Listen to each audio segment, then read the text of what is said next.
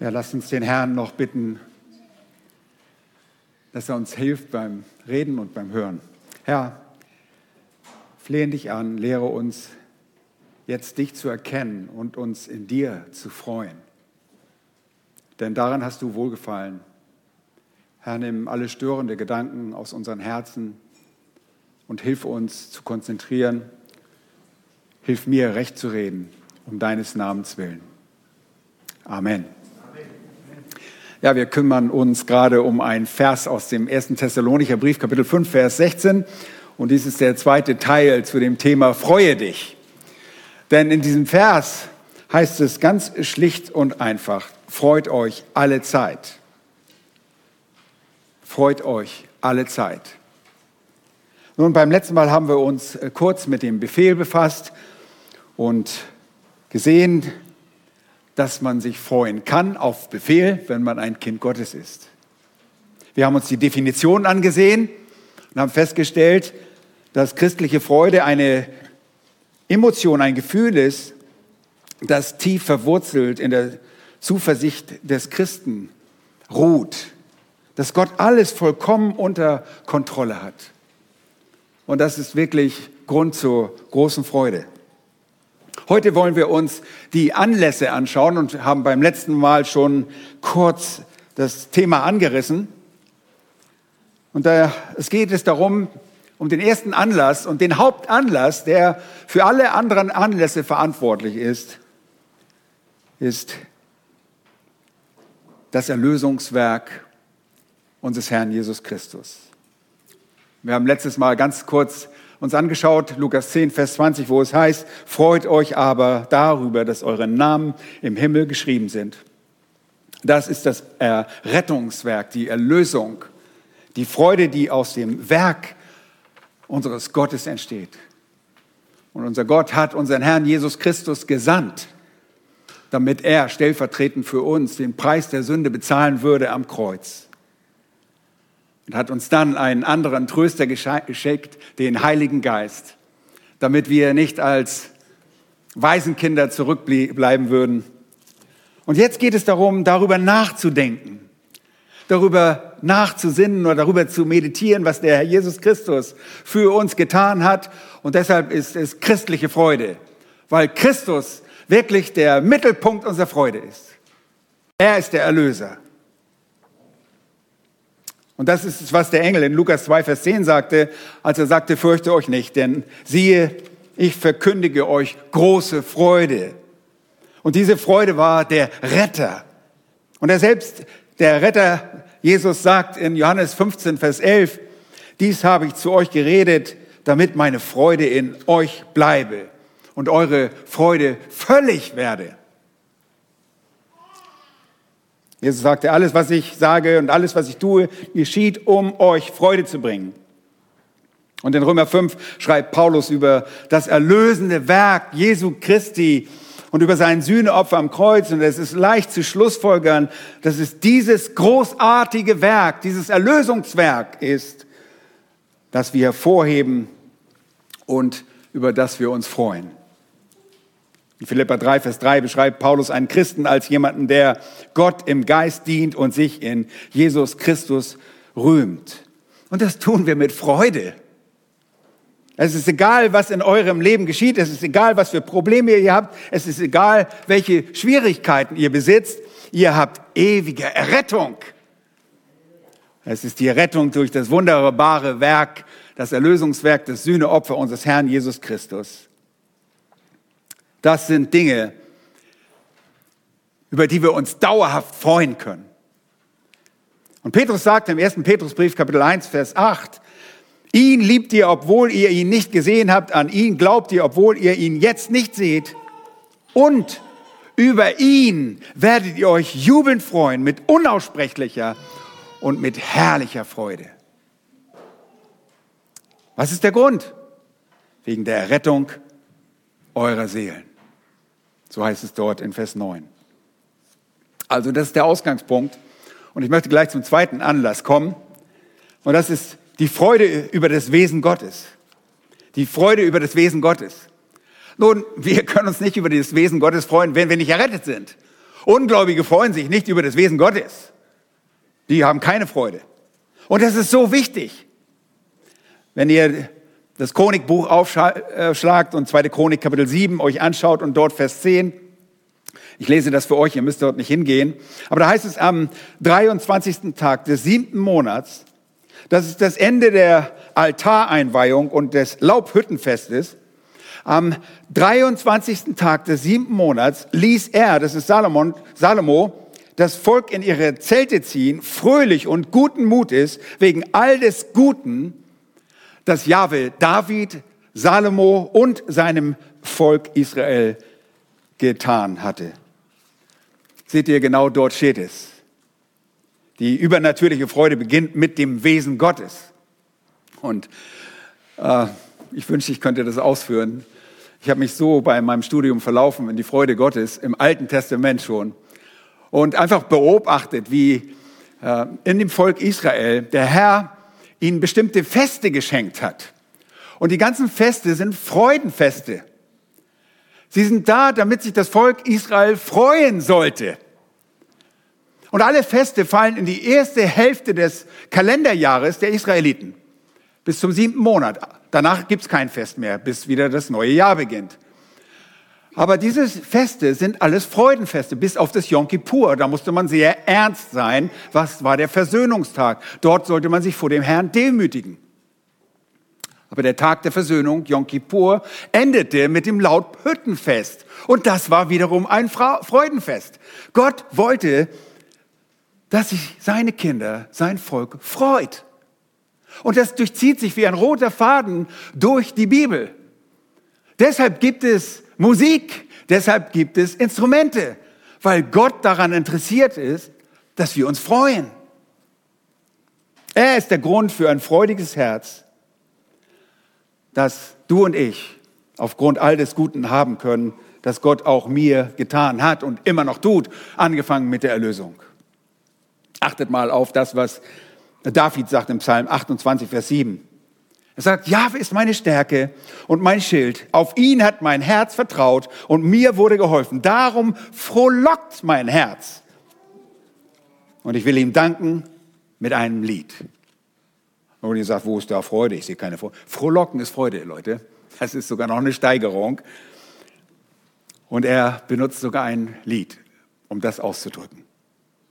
Jahwe Gott hatte ihn erhört und gerettet und woher kam seine Freude? Von seinen angenehmen Umständen, in denen er lebte? Oh, ihr wisst, wie es David ging. Nein, sie kam von Gott. Er sagt, Jahwe ist meine Stärke. Er ist mein Schild. Auf ihn vertraut mein Herz und er wird helfen. Meine Freude beginnt also mit dem Wesen Gottes, unabhängig von meinen Umständen. Im Psalm 71, Vers 23 sagt der Psalmist, meine Lippen sollen jubeln, wenn ich dir Lob singe und meine Seele, die du erlöst hast.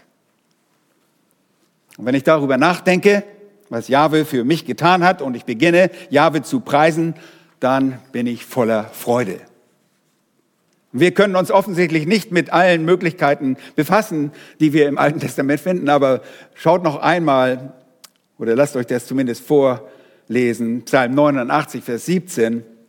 Dort lesen wir vom Volk, das im Licht des Angesichts Gottes wandelt über deinen Namen, sagt der Psalmist dort, frohlocken sie alle Zeit. Eine wunderbare Schriftstelle. Worüber frohlocken sie? Über Jahwe. Hier ausgedrückt mit deinen Namen. Nun, was meint der Psalmist Ethan mit deinen Namen? Er spricht von Gottes Wesen. Der Name steht für Gottes Wesen. Und Jesaja 61, Vers 10 spricht von, der einst, von den einst Erretteten und sagt, ich freue mich sehr in Jahwe und meine Seele ist fröhlich, fröhlich in meinem Gott. Denn er hat mir Kleider des Heils angezogen, mit dem Mantel der Gerechtigkeit mich bekleidet, wie ein Bräutigam sich den priesterlichen Kopfschmuck angelegt und wie eine Braut sich mit ihrem Geschmeide schmückt. Das, ihr Lieben, ist das Wesen Gottes. Es ist unsere Freude. Er errettete, weil er ein souveräner, ein gütiger, liebevoller, gnädiger, mitfühlender Gott ist und unsere Freude beabsichtigt. Und ich sage euch, freut euch darüber. Freue du dich darüber. Das ist der Grund für unsere Freude, das Wesen Gottes.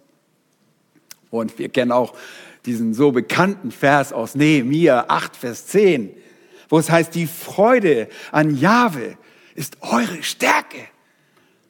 Lieben, wenn wir Freude haben, dann kann uns nichts umwerfen. Und das ist die tiefe Freude, die wir aufgrund der Erlösung haben und die wir bekommen, wenn wir über das Wesen Gottes nachsinnen. Wenn ihr lernt und auch ich lerne, mich daran zu erfreuen, wer Gott ist, dann werden wir stark. Nun, der dritte Anlass für die Freude, für eine stetige Freude, ist die Freude über den geistlichen Segen und den Dienst des Heiligen Geistes überhaupt. Geistlicher Segen und der Dienst des Heiligen Geistes. Und wer könnte das deutlicher sagen als der Apostel Paulus in Römer 14, Vers 17 sagt Paulus, das Reich Gottes ist nicht Essen und Trinken. Denn ich weiß, darüber freuen wir uns auch. Wir Männer freuen uns, der Grill ist an, es duftet nach Fleisch, wir freuen uns. Aber das Reich Gottes besteht nicht aus Essen und Trinken, sondern Gerechtigkeit, Friede und Freude im Heiligen Geist. Es ist der Heilige Geist, der Friede und Freude hervorbringt. Wie? In Römer 8 lesen wir zum Beispiel, dass er ständig sich für uns einsetzt und mit unaussprechlichen Seufzern uns vertritt, damit unsere Gebete dem Willen Gottes irgendwo konform gemacht werden. Er ist derjenige, der in euch wirkt, damit die Dinge ein göttliches Ziel und einen göttlichen Zweck hervorbringen. Lieben, und der Geist Gottes, der wohnt erst in uns seit unserer Errettung. Deshalb ist der erste Anlass die Errettung. Dann denken wir über das Wesen Gottes nach und dann erkennen wir, dass der Geist Gottes dafür verantwortlich ist, dass wir Freude haben. Das ist nicht eine Freude, die wir selber produzieren. Der Heilige Geist ist derjenige, der euch mit Christus verbindet und die Garantie eures künftigen Erbes ist. Ihr Lieben, der Heilige Geist versiegelt euch, Kinder Gottes, er bewohnt euch, er erfüllt euch mit euren Dienst und verleiht euch befähige Kräfte, diese Geistesgaben, die wir von ihm erhalten, auch auszuüben.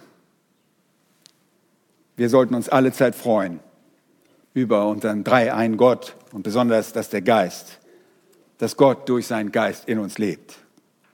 Nichts kann das Wesen Gottes antasten oder schmälern, nichts kann das Werk Christi verändern oder geringfügiger machen, als es ist. Es ist so groß, es ist wunderbar. Nichts kann das Werk des Heiligen Geistes in irgendeiner Art und Weise beeinträchtigen. Er wird seine Absichten ausführen und sie erreichen. Gott, der Geist, wirkt. Und das, ihr Lieben, ist Anlass genug, sich ständig zu freuen. Und deshalb, ihr Lieben, denkt intensiv über die Tatsache nach, dass wir laut Epheser 1, Vers 3 mit jeder geistlichen Segnung in der himmlischen Region in Christus gesegnet sind. Oh, ihr Lieben, wir müssen das bedenken. Wir haben alle Dinge, die für das Leben und für Gottesfürchtigkeit wichtig sind. Denkt gründlich darüber nach. Denn in Christus wohnt die ganze Fülle der Gottheit leibhaftig und wir, die wir glauben, sind in ihm zur Fülle gebracht. Ihr Lieben, das zeigt uns nur der Heilige Geist auf. Als Ungläubiger liest du die Bibel und denkst dir, was, was soll das alles? Denkt permanent als Kinder Gottes darüber nach. Das ist der Schlüssel zur Freude, euer Denken. Und wir haben jetzt Anteil am göttlichen Wesen. Denkt anhaltend darüber nach, dass unser Gott all unseren Mangel ausfüllt und ausfüllen wird nach seinem Reichtum in Herrlichkeit in Christus Jesus. Meditiert darüber und erkennt, dass ihr alles vermögt durch Christus, der euch stark macht, wie Paulus das den Philippern sagt. Ihr Lieben, der stetige Strom seines Segens in eurem Leben wird nie aufhören zu fließen. Ist das kein Anlass zur Freude? Absolut, das ist er. Nun, ich gebe euch noch einen weiteren. Ist das der vierte jetzt? Ich denke ja, der vierte Anlass für dauerhafte Freude ist die göttliche Vorsehung. Und wir sprechen so oft darüber. Warum sprechen wir so oft darüber? Weil wir diese Lehre so lieben. Wenn wir etwas lieben, dann sprechen wir darüber. Ist euch das schon mal aufgefallen? Ha. Manchmal kommen so Leute zu mir und sagen, ha, du, ich habe das noch so ein Mädchen entdeckt und ja, ich kann gar nicht aufhören, von der zu reden. Ja, und, ja ich glaube, du magst sie. Ja, so ist es. Und wir können nicht aufhören, von dieser wunderbaren Lehre Gottes zu, zu reden. Das ist die Vorsehung Gottes. Wie ich diese Wahrheit lebe. Was ist das? Vorsehung ist ein Begriff, der Gottes Fähigkeit beschreibt, die unzähligen Möglichkeiten, die im Universum existieren, aufeinander abzustimmen, damit sie zum gegebenen Zeitpunkt zu eurem Besten dienen und euch letztlich in die ewige Herrlichkeit bringen. Jahwe stimmt buchstäblich alles aufeinander ab. Jedes bisschen Raum, die Materie, jede Sekunde, jede Kraft und Energie, damit alles in einem perfekten Plan und Zweck miteinander zusammenkommt, so dass sein Wille für dich zum Tragen kommt. Jeder Gedanke, jedes Wort, jede Handlung von jedem Menschen, der existiert, jede natürliche und übernatürliche Sache wird in Einklang mit Gottes perfekten Plan gebracht. Und das geschieht, obwohl wir absolute Versager sind. Ist das nicht Wahnsinn? Gott macht aus nichts alles. Er braucht gar nichts. Erstmal braucht er gar nichts. Er hat geschaffen und auch ein quakendes Kind ist völlig okay. Das ist sogar super. Das ist ein Lobpreis. Ist das nicht so? Ja, das geschieht, obwohl der Mensch von seinem eigenen Standpunkt äh, aus betrachtet eine unzählige Anzahl unabhängiger Entscheidungen zu treffen scheint und diese Entscheidungen oft gar nicht gut sind. Wir machen manchmal richtigen Müll. Und trotzdem gebraucht Gott diese Dinge und er fügt sie alle zusammen. Und jetzt habe ich das Kind rausgeschürft. Oh, oh unsere Elisabeth. Naja. Römer 8, Vers 28 fasst das sehr gut zusammen. Und damit sind wir sehr vertraut. Wir wissen aber, dass denen, die Gott lieben, alle Dinge zum Besten dienen, denen, die nach dem Vorsatz berufen sind. Egal, was ihr oder ein Mensch tut. Ihr solltet unablässigen Dank und Freude über diese göttliche Vorsehung, seine Providenz haben. Er macht alles richtig. Oh, das ist so ein Trost für mich, weil ich habe schon so viel Bockmist gemacht und Gott macht immer noch das Beste draus. Und dann staunt man nur und guckt zurück und denkt, oh, das kann nur Gott hinkriegen. Das ist so wunderbar. Ein weiterer, fünfter Anlass, uns unablässig zu freuen, stammt aus dem Versprechen künftiger Herrlichkeit. Das Versprechen einer kommenden Herrlichkeit. Ich freue mich auf den Himmel, ihr nicht? Egal, was in diesem Leben vor sich geht, wir wissen, dass derjenige, dem wir unser Leben gewidmet haben, es bis in die Ewigkeit bewahren wird. Wenn ich heute erkrank, na und? Vielleicht komme ich ein bisschen eher dahin, wo ich hin will.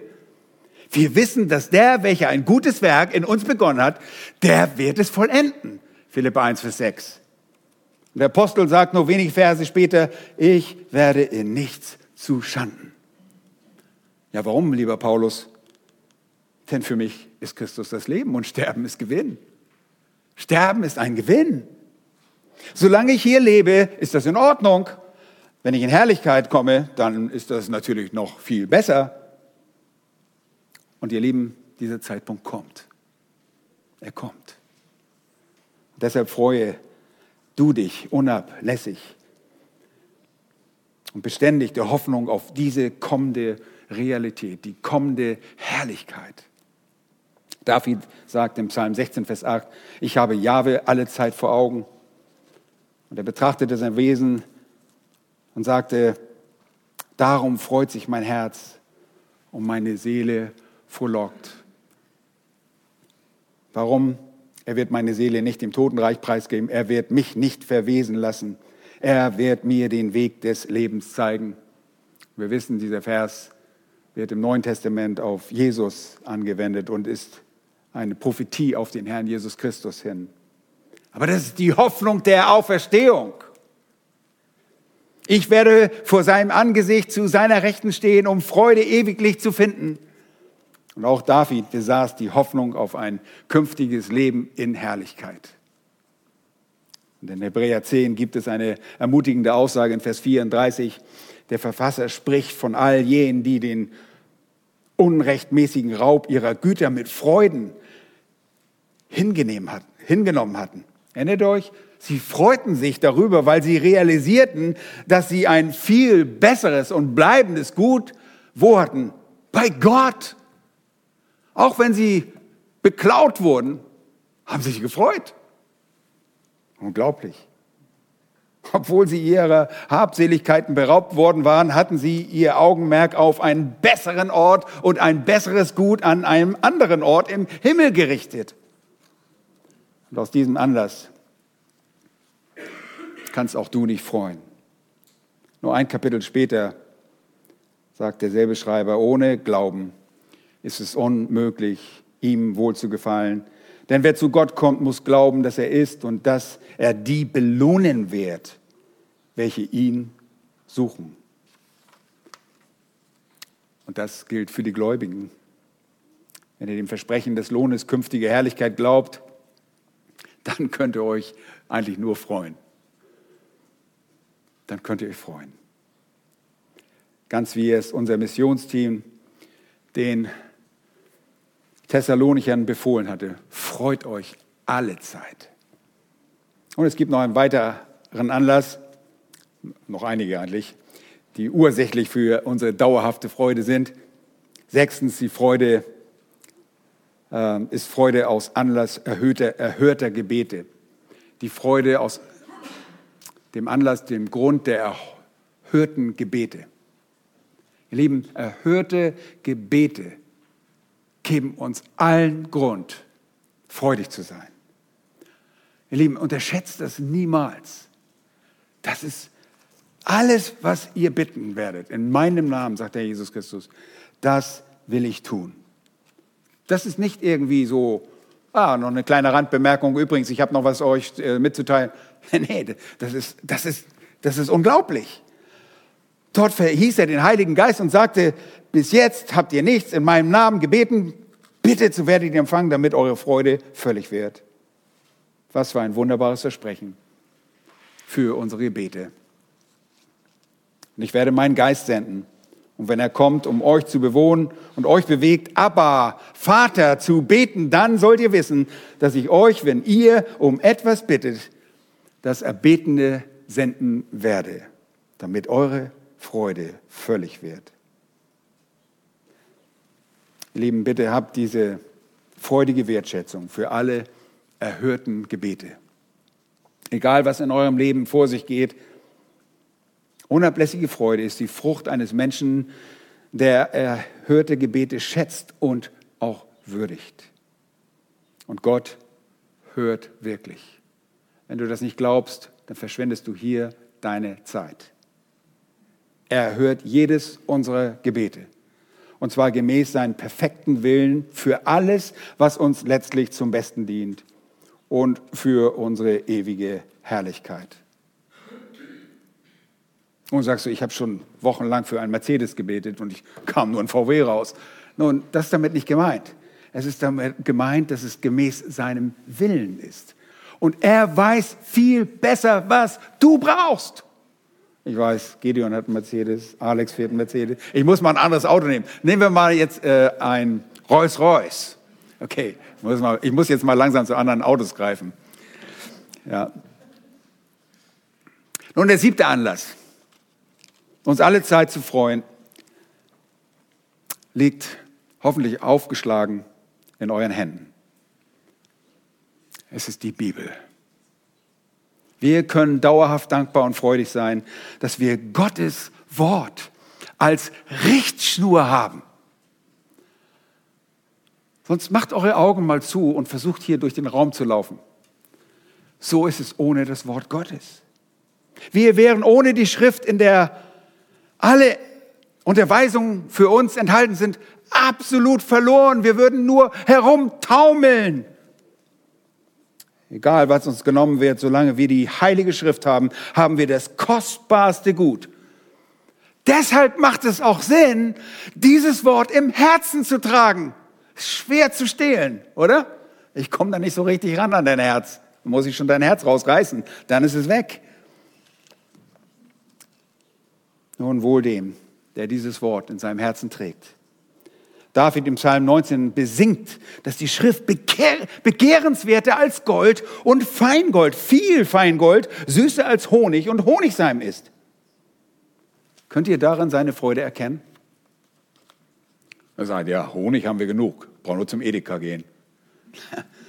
Leute, das war eine andere Zeit. Und Honig war das Edelste und Wunderbarste. Und das Gold war das Beste, was sie haben konnten.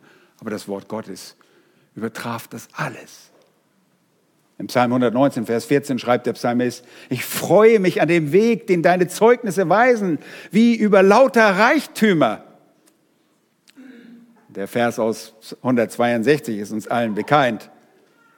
Dieser überschwängliche Ausdruck der Freude. Ich freue mich über dein Wort wie einer, der große Beute findet. Nun, wir finden nicht alle naslang Beute, aber die Menschen sind obsessed, die sind äh, verrückt danach, irgendwelche Schätze zu finden. Und es gibt auch Filme über Sch äh, Schatzsuche und, oh, und die sind ganz happy, wenn sie ein Stück Gold finden, wo der Himmel nachher mit gepflastert wird. Ne? Also da freuen die Leute sich hier schon, dass sie so ein bisschen äh, Straßenbelag gefunden haben. Straßenbelag aus dem Himmel. Ja. Jeremia stimmt ein und sagte, als ich deine Worte fand, da verschlang ich sie. Deine Worte sind mir zur Freude und Wonne meines Herzens geworden. Jeremia 15, 16. Wenn Paulus in Kolosser 3, Vers 16 sagt, lasst das Wort des Christus reichlich in euch wohnen, dann sagt er eigentlich nur, wenn das Wort reichlich in euch wohnt, dann werdet ihr mit Psalmen und Lobliedern miteinander reden, ihr werdet singen, ihr werdet musizieren. Und das wollen wir tun. Ist es nicht so? Wir musizieren nicht nur, weil es irgendwie zum Programm hört, sondern wir drücken darin unsere Freude aus. Freude über die wahre Speise und Nahrung im Leben sollte niemals und zu keiner Zeit fehlen. Wir freuen uns über die Bibel. Diese Speise ist dieses uns nährende Wort Gottes. Und die Bibel dient uns als Kompass und Leitfaden für unser Leben. Das ist ein wunderbarer Anlass dauerhafter Freude. Ein weiterer Anlass, der achte wohl, warum ihr euch alle Zeit freuen könnt, ist die Gemeinschaft in Christus. Ihr Lieben, seid ihr dankbar für die Familie Gottes, in der ihr euch jetzt befindet, in die er euch hineingeboren hat? Wir haben uns ja nicht einander ausgesucht. Ne? Auf einmal kommt da einer die Straße runter und sagt, ich bin Christ geworden oder ich werde Christ. Und dann nee, nee, wieder zurück in den Geburtskanal, ich will ihn nicht haben. Nein, nein, Gott hat es gemacht. Gott hat uns in eine Familie geschenkt, gesetzt und darüber können wir uns freuen, dass wir einander haben. In 1. Thessalonicher 3 sagten unsere Missionare in Vers 9 etwas Wunderbares. Denn was für ein Dank können wir Gott euretwegen abstatten für all die Freude, die wir um euretwillen haben vor unserem Gott. Die waren aus dem Häuschen über die Thessalonicher, über die Gläubigen. Die haben sich so gefreut wie Schneekönige. Und darüber freuen wir uns mit dauerhafter Freude, dass ihr da seid, dass wir einander haben. Und ihnen fehlten sogar die passenden Worte, um auszudrücken, wie viel Freude sie ihnen bereiteten. Und im zweiten Timotheus, Kapitel 1, und Vers 4 drückte Paulus diese Freude gegenüber Timotheus aus, der eine ähnliche Zuneigung hatte. Und er sagte, ich bin voll Verlangen, dich zu sehen, sagte er zu Timotheus, da ich mich an deine Tränen erinnere, damit ich mit Freude erfüllt werde. Scheint paradox zu sein, aber das ist so. Er erinnert sich an diesen Mann, an diesen jungen Mann aus dem Gefängnis und sagt, Wenn ich daran denke, dann bin ich voller Freude. Und das Zusammensein von Kindern Gottes ist wirklich eine Ursache, ist ein Anlass beständige Freude. Paulus sagte zu Philemon in Vers 7, denn wir haben viel Freude und Trost um deiner Liebe willen. Es ist schön, in einer Gemeinde zu sein, die den Herrn liebt und die einander lieben. Und die liebende Gemeinschaft der Heiligen ist eine Quelle der stetigen Freude. In 2. Johannes 12 schreibt der Apostel, ich hätte euch viel zu schreiben, will es aber nicht mit Papier und Tinte tun, sondern ich hoffe zu euch zu kommen und mündlich mit euch zu reden, damit unsere Freude völlig sei. Die Gemeinschaft in Christus bringt unablässige, stetige, unaufhörliche Freude. Und diese Gemeinschaft kann niemals ausgelöscht werden. Wenn ihr glaubt es, ob ihr es glaubt oder nicht, ich weiß, ihr glaubt es, wir sind verbunden in Zeit und in Ewigkeit.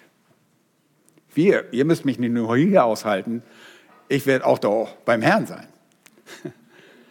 Ja, ihr erinnert euch, mein Vater hat immer gesagt, wenn wir eine gewisse Schwester Ott nicht mochten, sagte er, sei vorsichtig, du sitzt bei ihr im Himmel, an ihrer Seite. Das hat Eindruck geschunden bei mir. Ja. Und ein letzter und zehnter Anlass zur Freude gibt uns die Verkündigung des Evangeliums. In der Apostelgeschichte 15.3 wird deutlich, worum es dabei geht. Da wird von Paulus und Barnabas gesagt, sie durchzogen nun als Abgeordnete der Gemeinden Phönizien und Samaria, indem sie von der Bekehrung der Heiden erzählten und allen Brüdern große Freude bereiteten. Bringt euch die Verkündigung anderer des oder des Evangeliums Freude oder zu hören, dass andere Frucht daraus sehen oder dass andere das Evangelium verkündigen, bringt euch das Freude? Das ist was Schönes. Denn das ist die Botschaft, mit der wir beauftragt worden sind. Oder erlebt ihr Traurigkeit in eurer selbstbezogenen Welt und dieser, äh, in dieser Nabelschau betreibenden Kultur, in der wir leben? Da dreht es nur um uns selbst. Bist du traurig, weil nicht alles in deinem Leben, in deinen Augen ideal läuft? Oder kannst du dich richtig, wirklich mitfreuen? Wenn Menschen das Evangelium hören und dann auch noch Buße tun, da ist erstmal Party im Himmel und da sollten wir uns genauso freuen. Die Engel freuen sich über einen einzigen Sünder, der Buße tut.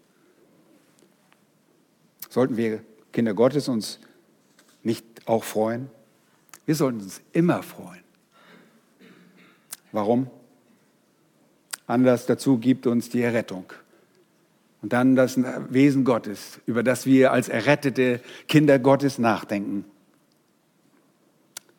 Es ist das Werk unseres Herrn Jesus Christus, aber letztlich das Werk des Dreieinen Gottes, der Christus erwählt als den Retter. Und dann denken wir an den Dienst, an den Dienst des Heiligen Geistes und den übernatürlichen Segen, die göttliche Vorsehung, die kommende Herrlichkeit, alle erhörten Gebete, die Bibel, die Gemeinschaft in Christus sowie die Verkündigung des Evangeliums. Das sind alles Anlässe zur Freude. Leider ist die Freude bei uns aber nicht immer beständig. Nun, warum das so ist und woran das liegen könnte, das wollen wir uns auch noch einmal kurz betrachten. Und jetzt kommen wir viertens zu den Störfaktoren der Freude die Störfaktoren der Freude. Nun, es gibt Faktor, einige Faktoren in unserem Leben, die eine stetige Freude stören oder stören können. Und keiner von uns ist da vollkommen von ausgenommen. Bitte überprüft euer Leben anhand dieser kurzen Liste, die ist nicht vollständig, ihr erhebt keine Vollständigkeit, aber ja, hier sind ein paar Störfaktoren der Freude. Erstens, ein falsches Errettungsverständnis. Wir haben das Thema beim letzten Mal kurz angerissen. Lass uns das ein bisschen betrachten. Es gibt einige Menschen, die keine Freude empfinden, weil ihnen ganz schlicht und einfach gesagt, die wahre Quelle dieser Freude fehlt. Sie ist nicht da. Sie kennen Gott nicht. Sie meinen gerettet zu sein, aber sie sind es nicht. Sie haben den Heiligen Geist nicht. Sie sind nicht tatsächlich wiedergeboren. Sie sind äußerst religiös. Oh ja. Sie sind keine, aber keine wahren Kinder Gottes. Sie sind nicht gerettet. Sie sind vielleicht sogar, äh, vielleicht in der Gemeinde, aber sie gehören nicht zu der Gemeinde. Und erinnert euch an Matthäus Kapitel 13, Vers 20 und 21, wo der Same des Wortes Gottes auf diesen felsigen Boden gesät wurde. Und wir lesen, dass das Wort sogleich mit Freude aufgenommen worden ist und dann aber die Freude erlosch, als die ersten Widerstände gab. Die Freude derer, die das Wort dort annahmen, war von absolut kurzer Dauer. Bereits bei der ersten Prüfung war der Same des Wortes Gottes verschwunden und nicht mehr ein Teil in ihrem Leben. Und es gibt eine Menge von Menschen, die sehr wohl eine menschliche, irdische und natürliche Freude aufbringen können. Ja, wir kennen, ich, ich kenne Leute in der Nachbarschaft, die lachen so laut, die, also, da denke ich, wow, die haben echte Freude. Aber das ist eine äußerliche Freude, die vergeht. Das ist keine dauerhafte Freude. Wenn der Heilige Geist solche Menschen nicht bewohnt, um Freude auf einer übernatürlichen Ebene zu erzeugen, dann reicht schon die kleinste Glaubensprüfung und sie schlägt fehl. Die Freude ist weg. Pustekuchen. Bei der ersten Prüfung wird diese Freude ausgelöscht. Übernatürliche Freude kommt, wie wir wissen und gerade gelernt haben, vom Heiligen Geist. Sie ist übernatürlich. Ich muss nicht dieses Flugbegleitergrinsen haben dabei, aber ich habe eine tief verwurzelte Freude, die mir niemand nehmen kann. Und der Heilige Geist bewohnt den Gläubigen und nur den Gläubigen und er erzeugt nochmals diese Freude. Eine unvollständige, eingebildete Rettung, oft im Zusammenhang mit einer billig verstandenen Gnade, können keine dauerhafte Freude hervorbringen. Sie führen zu einer irren, irrigen Ersatzfreude, die nie von Dauer ist und sein kann. Die ist sogar gefährlich, diese Ersatzfreude. Weil die Leute denken, ich bin ja ein Teil. Ich bin ein Teil dieser Gemeinde. Ich freue mich auch. Ich kann auch grinsen. Ich kann auch dieses freundliche äh, Gesicht aufsetzen. Und das ist ein Scheinglauben. Manchmal ist auch ein falsches Evangelium dafür verantwortlich. Hoffentlich hier nicht, sondern hier ein falsches Verständnis des Evangeliums. Und wir versuchen das immer wieder zu korrigieren. Ein Scheinglaube ist bestenfalls ein Glaube an eine verdrehte und falsch verstandene Botschaft. Es ist nicht der Glaube an das rettende Evangelium von Jesus Christus, wie es von der Bibel geschrieben und definiert wird. Und schon Petrus warnte in seinem zweiten Brief vor solchen Verdrehungen des Wortes Gottes. Hört mal genau hin, 2. Petrus.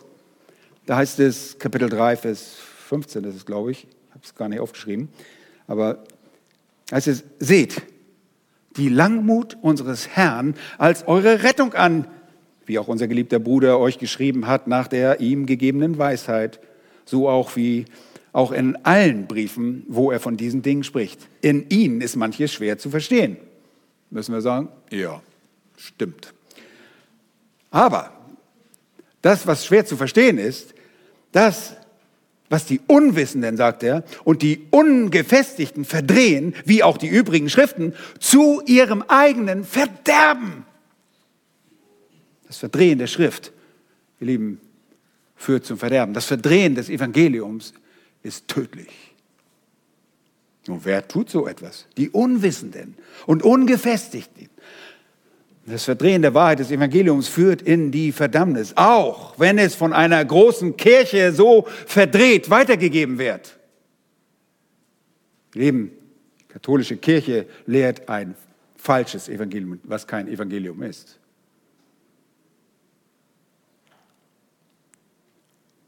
Nun, der zweite Störfaktor ist Satan selbst, der daran interessiert ist, dass diese Dinge verdreht werden.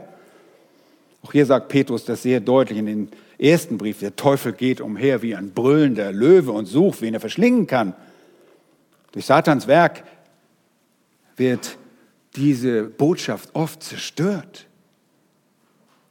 Bei religiösen Menschen ist das Ergebnis Verdammnis, bei Kindern Gottes ist es die Zerstörung von Freude und von Frieden und von Zufriedenheit. Satan will uns angreifen und in unseren Prüfungen versuchen, unsere Freude uns nehmen. Und dabei benutzt er unser schwaches Fleisch und dabei ist er oft sehr erfolgreich.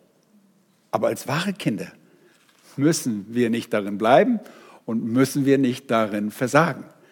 Deshalb sagt Paulus zu den Korinthern, sie würden keiner Versuchung ausgesetzt werden, die sie nicht ertragen könnten.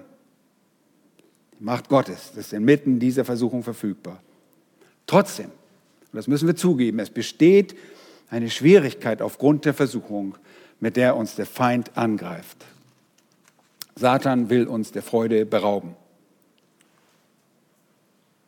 Nun, also Störfaktoren der wahren Freude sind ganz einfach. Erstens falsches Errettungsverständnis die keine wahre Freude hervorbringen kann. Eine falsche Rettung, die keine Rettung ist, bringt keine Freude, ganz logisch. Zweitens Satan selbst und drittens ist es Unwissenheit. Unwissenheit. Unwissenheit ist oft der Grund dafür, dass Christen keine Freude haben. Unwissenheit ist nichts anderes als schlecht belehrt zu sein. Schlechte und mangelnde Unterweisung im Wort beraubt uns der Freude. Und daraus entsteht nämlich eine schlechte Theologie und eine unzureichende äh, Theologie oder ein schlechtes Verständnis der Theologie von Gottes Vollkommenheiten hat immer eine negative Folge. Wer Gott nicht richtig kennt, der kommt ins Schleudern und hat oft auch ein unzureichendes Verständnis der Heilsgewissheit, ein mangelndes Verständnis des Dienstes des Heiligen Geistes. Ein mangelndes Verständnis alles geistlichen Segens, der uns in Christus zuteil wird. Ihr Lieben, wir brauchen eine gute Theologie. Und das ist, was der Apostel Paulus, nee, Johannes sagen will. In Johannes, 1. Johannes 1, Vers 4 schreibt er, und die schreiben wir euch, damit eure Freude vollkommen sei. Er sagt, ich bringe euch Theologie bei, damit eine Grund, ihr eine Grundlage für eure Freude habt. Das ist so deutlich, wie er das sagt. Und Theologie ist praktisch. Elene, wir haben uns mit den Männern in den vergangenen zwei Jahren beschäftigt, um Theologie zu lernen, weil wir wissen, dass nicht nur irgendwie so ein Wasserkopf, dass die Leute hier mit so einem schweren Kopf rumlaufen, der sie auf den Boden zerrt, sondern das ist äußerst praktisch. Theologie ist sehr praktisch. Das ist eigentlich ein Paradoxon, dass man nochmal von praktischer Theologie spricht. Theologie an sich ist schon praktisch. Wenn ihr nicht daran glaubt, dass Gott immer gnädig, gütig, langmütig oder mitfühlend gegenüber seinen Kindern ist, dann habt ihr ein Problem. Wenn in eurem Leben dann schlimme Dinge auftreten, dann seid ihr unsicher. Ihr denkt dann möglicherweise, dass Gott diese Dinge nur deshalb tut, weil er mich ärgern will oder, ja, oder weil er charakterlich unstabil ist, instabil ist. Oder glaubt vielleicht, Gott kann das gar nicht. Das ist schlimm, oder? Sowas allein über die Zunge zu bringen. Gott kann das nicht. Oh, das tut weh. Und ihr könnt denken, dass euch Dinge geschehen, die Gott nicht ändern kann. Oh, ouch. Wenn ihr eure Heilssicherheit in Christus nicht begreift, dann werdet ihr euch jedes Mal, wenn etwas passiert, darüber Sorgen machen und sagen, oh, hoffentlich gehe ich überhaupt in den Himmel. Was für eine Quälerei ist das? Das wird euch gewiss der Freude berauben. Unwissenheit ist somit ein riesiger Störfaktor in Hinsicht auf eure Freude. Und so ist es auch viertens mit dem Unglauben. Unglaube ist ein noch größeres Versagen. Ist das Versagen, Gott zu glauben, in dem, was er in der Schrift, die er uns dankbarerweise gegeben hat und freudigerweise gegeben hat, das ist Unglaube. Und ihr seid in dem Fall, wenn ihr ungläubig seid, nicht unwissend, aber vielleicht nicht unwissend, aber ihr könnt trotz guter Theologie ungläubig sein. Und dieser Störfaktor ist schlimmer als der vorherige der Unwissenheit. Es ist nämlich eine Sache, unwissend zu sein, aber es ist noch eine ganz andere, Dinge zu wissen und sie nicht zu glauben. Das ist schlimm. Das ist wirklich schlimm. Wenn wir nicht glauben, wenn wir durch Gottes Macht in unserem Leben den Schild des Glaubens nicht einsetzen, dann werden wir alle feurigen Pfeile des Satans, werden sie uns treffen. Und wenn wir dann beispielsweise der Heilssicherheit der Gläubigen nicht vertraut oder Gottes souveräner und vorhersehende Kontrolle aller Dinge vertraut, dann kommt erst gar keine Freude auf. Dann seid ihr die Person der Trauer schlechthin. Wenn ihr nicht glaubt, dass es ewige Herrlichkeit geben wird, worüber wollen wir uns freuen? Stell dir vor, wir verkündigen hier alles und sagen, es gibt keinen Himmel. Also es ist ganz schön, so lasst uns hier reden und äh, ja, lasst uns mal so äh, christliche Prinzipien anwenden, ja, und, äh, aber Himmel gibt es nicht. Äh, was ist das denn? Keine Freude. Das ist doch unsere Freude. Wenn wir das nicht glauben, stell dir vor, wir glauben das nicht.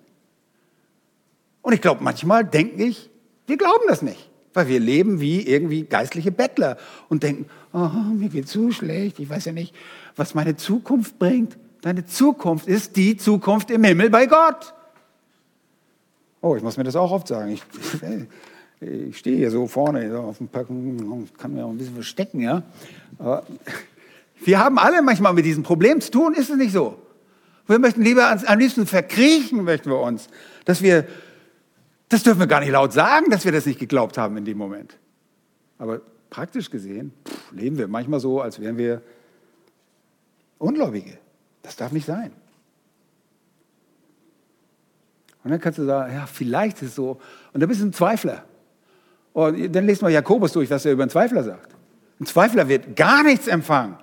Das ist ein Mann mit gespaltener Seele, der hat zwei Seelen. Auf der einen Seite ja, auf der anderen Seite doch nicht, nee, lieber nicht. Äh, das geht überhaupt nicht. Nun, ein fünfter Sturfaktor ist Undankbarkeit. Oh, oh, oh kann man schon mal wieder kleiner werden. Und, ja. Das ist die Einstellung von jemandem, der niemals genug hat oder niemals genug bekommt. Kennt ihr das? Wenn ihr undankbar seid, könnt ihr Freude überhaupt nicht euch vorstellen. Jemand, der nie genug hat, erwartet immer mehr will immer mehr und verlangt immer mehr. Eine solche Person schätzt sich falsch ein und sagt und denkt immer nur, gib mir mehr, ich will mehr. Immer mehr.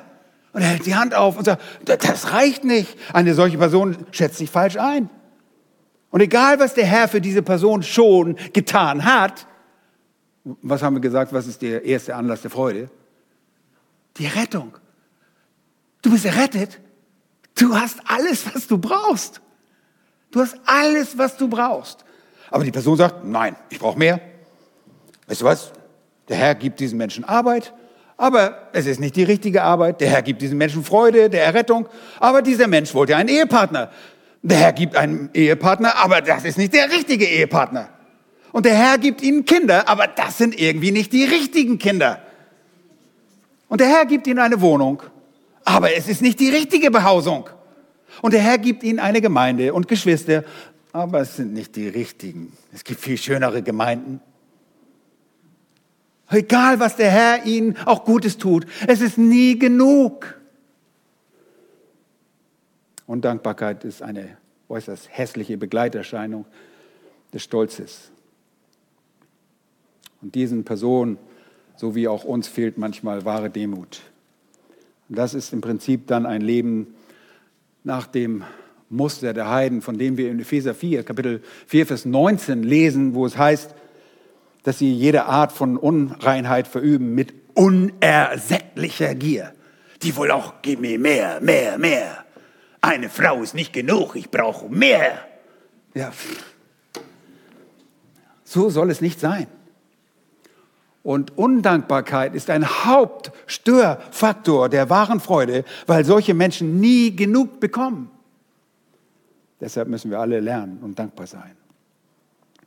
Wenn wir nicht lernen, Gott für jede Kleinigkeit des Lebens zu danken, für alles, was er tut, für alles, was er schon uns gegeben hat, für jeden Segen, den wir haben, wenn wir immer sagen, mehr, mehr, mehr, mehr, und dann in einer solchen Unzufriedenheit leben, dann führt das zu einer Undankbarkeit, die uns der stetigen Freude beraubt. Du kannst dich nicht freuen. Und das führt zu dem sechsten Störfaktor der Freude. Darf ich noch weitermachen, Daniel? Er hat ja gesagt, nein, habe ich da reingelesen, sein Smile. Okay, ich, ich mache es kurz. Das sind falsche Erwartungen. Manchmal denkt jemand, Gott ist derjenige, ich brauche nur auf den Knopf drücken, ich bringe ihm meine Anliegen und ich will das und jenes. Und Herr, mach bitte dies für mich. Und schenk einfach, dass äh, ich heute glücklich bin, Weißt du, ihr kennt die Kindergebete. Herr, wenn wir in die Schule gehen, hilft, dass unsere Lehrer anständig sind und uns keine Hausaufgaben geben oder, oder was auch immer. Ja, dass wir uns freuen, dass wir heute viel Spaß haben. Darum geht es gar nicht. Es geht nicht um viel Spaß. Es geht darum, dass wir Gott dienen. Das ist ein Störfaktor. Ich habe jetzt übertrieben, aber so beten wir manchmal. Herr, ich möchte dies und ich möchte jenes. Und, und da habe ich, ich habe schon wochenlang gebetet und das ist immer noch nicht da. Also bin ich jetzt eingeschnappt. Ne? Hm. Das beraubt dich der Freude. Philippa 4 sagt Paulus, ich habe mich aber sehr gefreut. Ich habe nämlich gelernt, mit der Lage zufrieden zu sein, in der ich mich befinde. Ob ich wenig habe oder viel, Verfolgung oder es mir gut geht, er hatte das gelernt, das müssen wir lernen. Der siebte Störfaktor der beständigen Freude ist letztlich die Ursache der letzten beiden Faktoren. Es ist hässlicher Stolz. Uh. Übrigens, keiner sitzt hier, der nicht mit Stolz zu tun hat. Das ist, umgibt uns noch immer so sehr, diese Sünde des Stolzes. Stolz ist Selbstbezogenheit und zeigt sich, wenn ihr euch ständig um euch selbst dreht. Und dann werdet ihr nie, nie glücklich. Es dreht sich alles nur um mich. Und meine Wünsche sind nicht erfüllt worden. Das ist, das ist schlimm.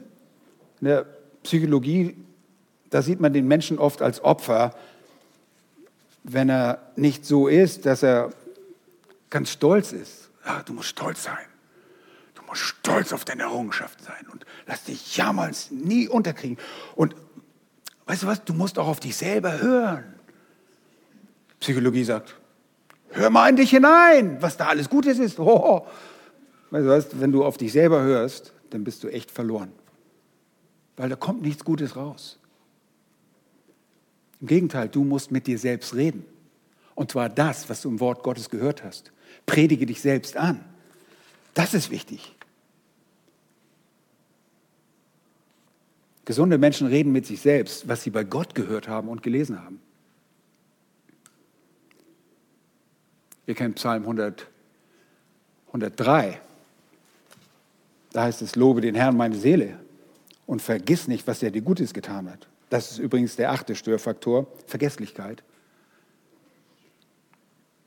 Vergesslichkeit. Wir vergessen, was er uns Gutes getan hat. Vergiss es nicht.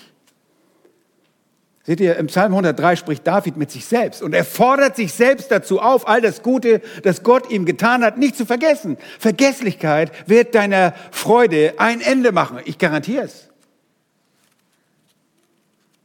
Einer der Gründe dafür, dass du ein Gedächtnis hast, ist nicht, damit du den Weg zur Schule findest oder zu deiner Arbeitsstelle, sondern es besteht darin, dass du dich an all die Segnung Gottes erinnern kannst. Und es ist gut für uns, zu diesen Segnungen zurückzugehen und sie uns immer wieder auswendig aufzusagen. Sprich zu dir selbst, belehre dich selbst und sag, was betrübst du dich, meine Seele, und bist du unruhig in mir? Bedenke, sagt Jesus der Gemeinde in der Offenbarung, bedenke nun, wovon du gefallen bist und tue Buße und was sollen sie tun? Tu die ersten Werke. Und was muss man dafür tun? Bedenken, was diese waren. Was waren die ersten Werke? Ach ja, tu die ersten Werke. Das sind Störfaktoren. Neuntens ist ein nicht bestehendes oder schwaches Gebetsleben.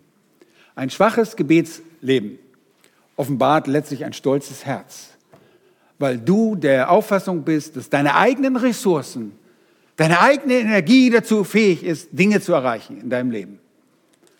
Ich rede doch nicht mit Gott, warum soll ich mit Gott reden? Habe hab ich doch alles in meiner Hand. Das ist die Wahrheit über ein schwaches Gebetsleben. Und wenn du wissen willst, heute bist du schwach oder stark, ganz schnell kannst du das rausfinden. Geht zu Gott mit euren Anliegen. Er kann helfen. Wenn du Sorgen hast, dann sorgt dir nicht selbst, sondern in allen lasst durch Gebet und Flehen mit Danksagen eure Anliegen vor Gott kund werden. Ein letztes, und damit bin ich auch am Ende, ist ein fehlgeleitetes, ein letzter Störfaktor ist ein fehlgeleitetes Gefühl. Und wir sind so dankbar, dass Gott Gefühle geschaffen hat, aber Gefühle können so schnell fehlgeleitet werden. Das kennen wir alle. Gefühle, die sich geben, müssen sich der Wahrheit anpassen. Und das ist ein sehr großes Problem. Vielen Menschen mangelt es an Disziplin, um ihr Leben aufgrund ihres Verständnisses der göttlichen Wahrheit zu führen. Und deshalb es ist deshalb, dass sie in das willkürliche, undisziplinierte Meer der Gefühle stürzen. Und dann fragen sie, wie können wir uns freuen, wenn uns gar nicht danach ist? Wir können es als Kinder Gottes. Denn Gefühle sind kontrollierbar. Sie lassen sich kontrollieren. Wir leben diese Predigt schon sehr lang und ihr seid immer noch nicht weggelaufen, obwohl einige von euch vielleicht denken, naja, also. Aber ihr habt euch beherrscht und ihr sitzt immer noch hier. Auf dem Weg zum Gottesdienst seid ihr vielleicht zu spät losgefahren.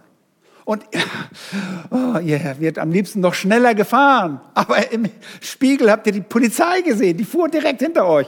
Ah, ja, aber ihr musstet euch beherrschen, weil ihr die Konsequenzen eines Gesetzesbruches kanntet.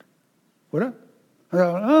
Ich fahre mal lieber langsam, ich komme lieber ein bisschen spät. Ist ja, ist ja nicht so schlimm, wenn Daniel Orban mit mir schimpft. Ja, also das ist gar nicht so schlimm. Der ist ja auch ganz freundlich. Aber fehlgeleitete Gefühle, Oh, dann gibt es die Leute, die sagen, oh, wenn es sich gut anfühlt, dann muss es doch richtig sein. Ich habe Frieden darüber. Oh, Leute, wisst ihr, wie viele Leute mit diesem Gefühl, Frieden zu haben, in ihr Unglück gestürzt sind? Die Wahrheit ist entscheidend. Nicht irgendein Gefühl in der Magengegend oder eine subjektive Wahrnehmung, sondern die Wahrheit muss dich leiten. Du musst anerkennen, dass Gott uns als rationales Wesen geschaffen hat, dass du denken kannst. Und deine Gefühle sollen an deinen Verstand und deine Vernunft gekoppelt werden. Ja, das sage ich mir jetzt auch. Und ich möchte euch trotzdem auffordern, freut euch alle Zeit. Ihr Lieben, das ist machbar. Und ich hoffe, ihr habt herausgefunden, warum ihr nicht freudig sein könnt, wenn ihr nicht freudig seid. Aber lasst uns da den Herrn beten, dass wir diese Freude auch nach außen tragen. Herr, wir danken dir für die tiefe Freude durch die Rettung, die du uns geschenkt hast. Und alles, was dann folgt, was wir aus deinem Wort lernen, ist einfach nur ein extra Bonus damit wir für dich leben. Denn dazu hast du uns gerettet. Nicht um unserer Freude willen, sondern damit wir für dich leben. Und ein Leben für dich ist die größte Freude. Das hast du so vorgesehen. Wir danken dir von ganzem Herzen, dass du uns helfen kannst, unsere Freude in dir zu finden. Nicht an irgendwelchen Dingen, die verschwinden oder verbrennen, sondern Du bist unsere Freude und dich lieben wir von ganzem Herzen. In Jesu Namen. Amen.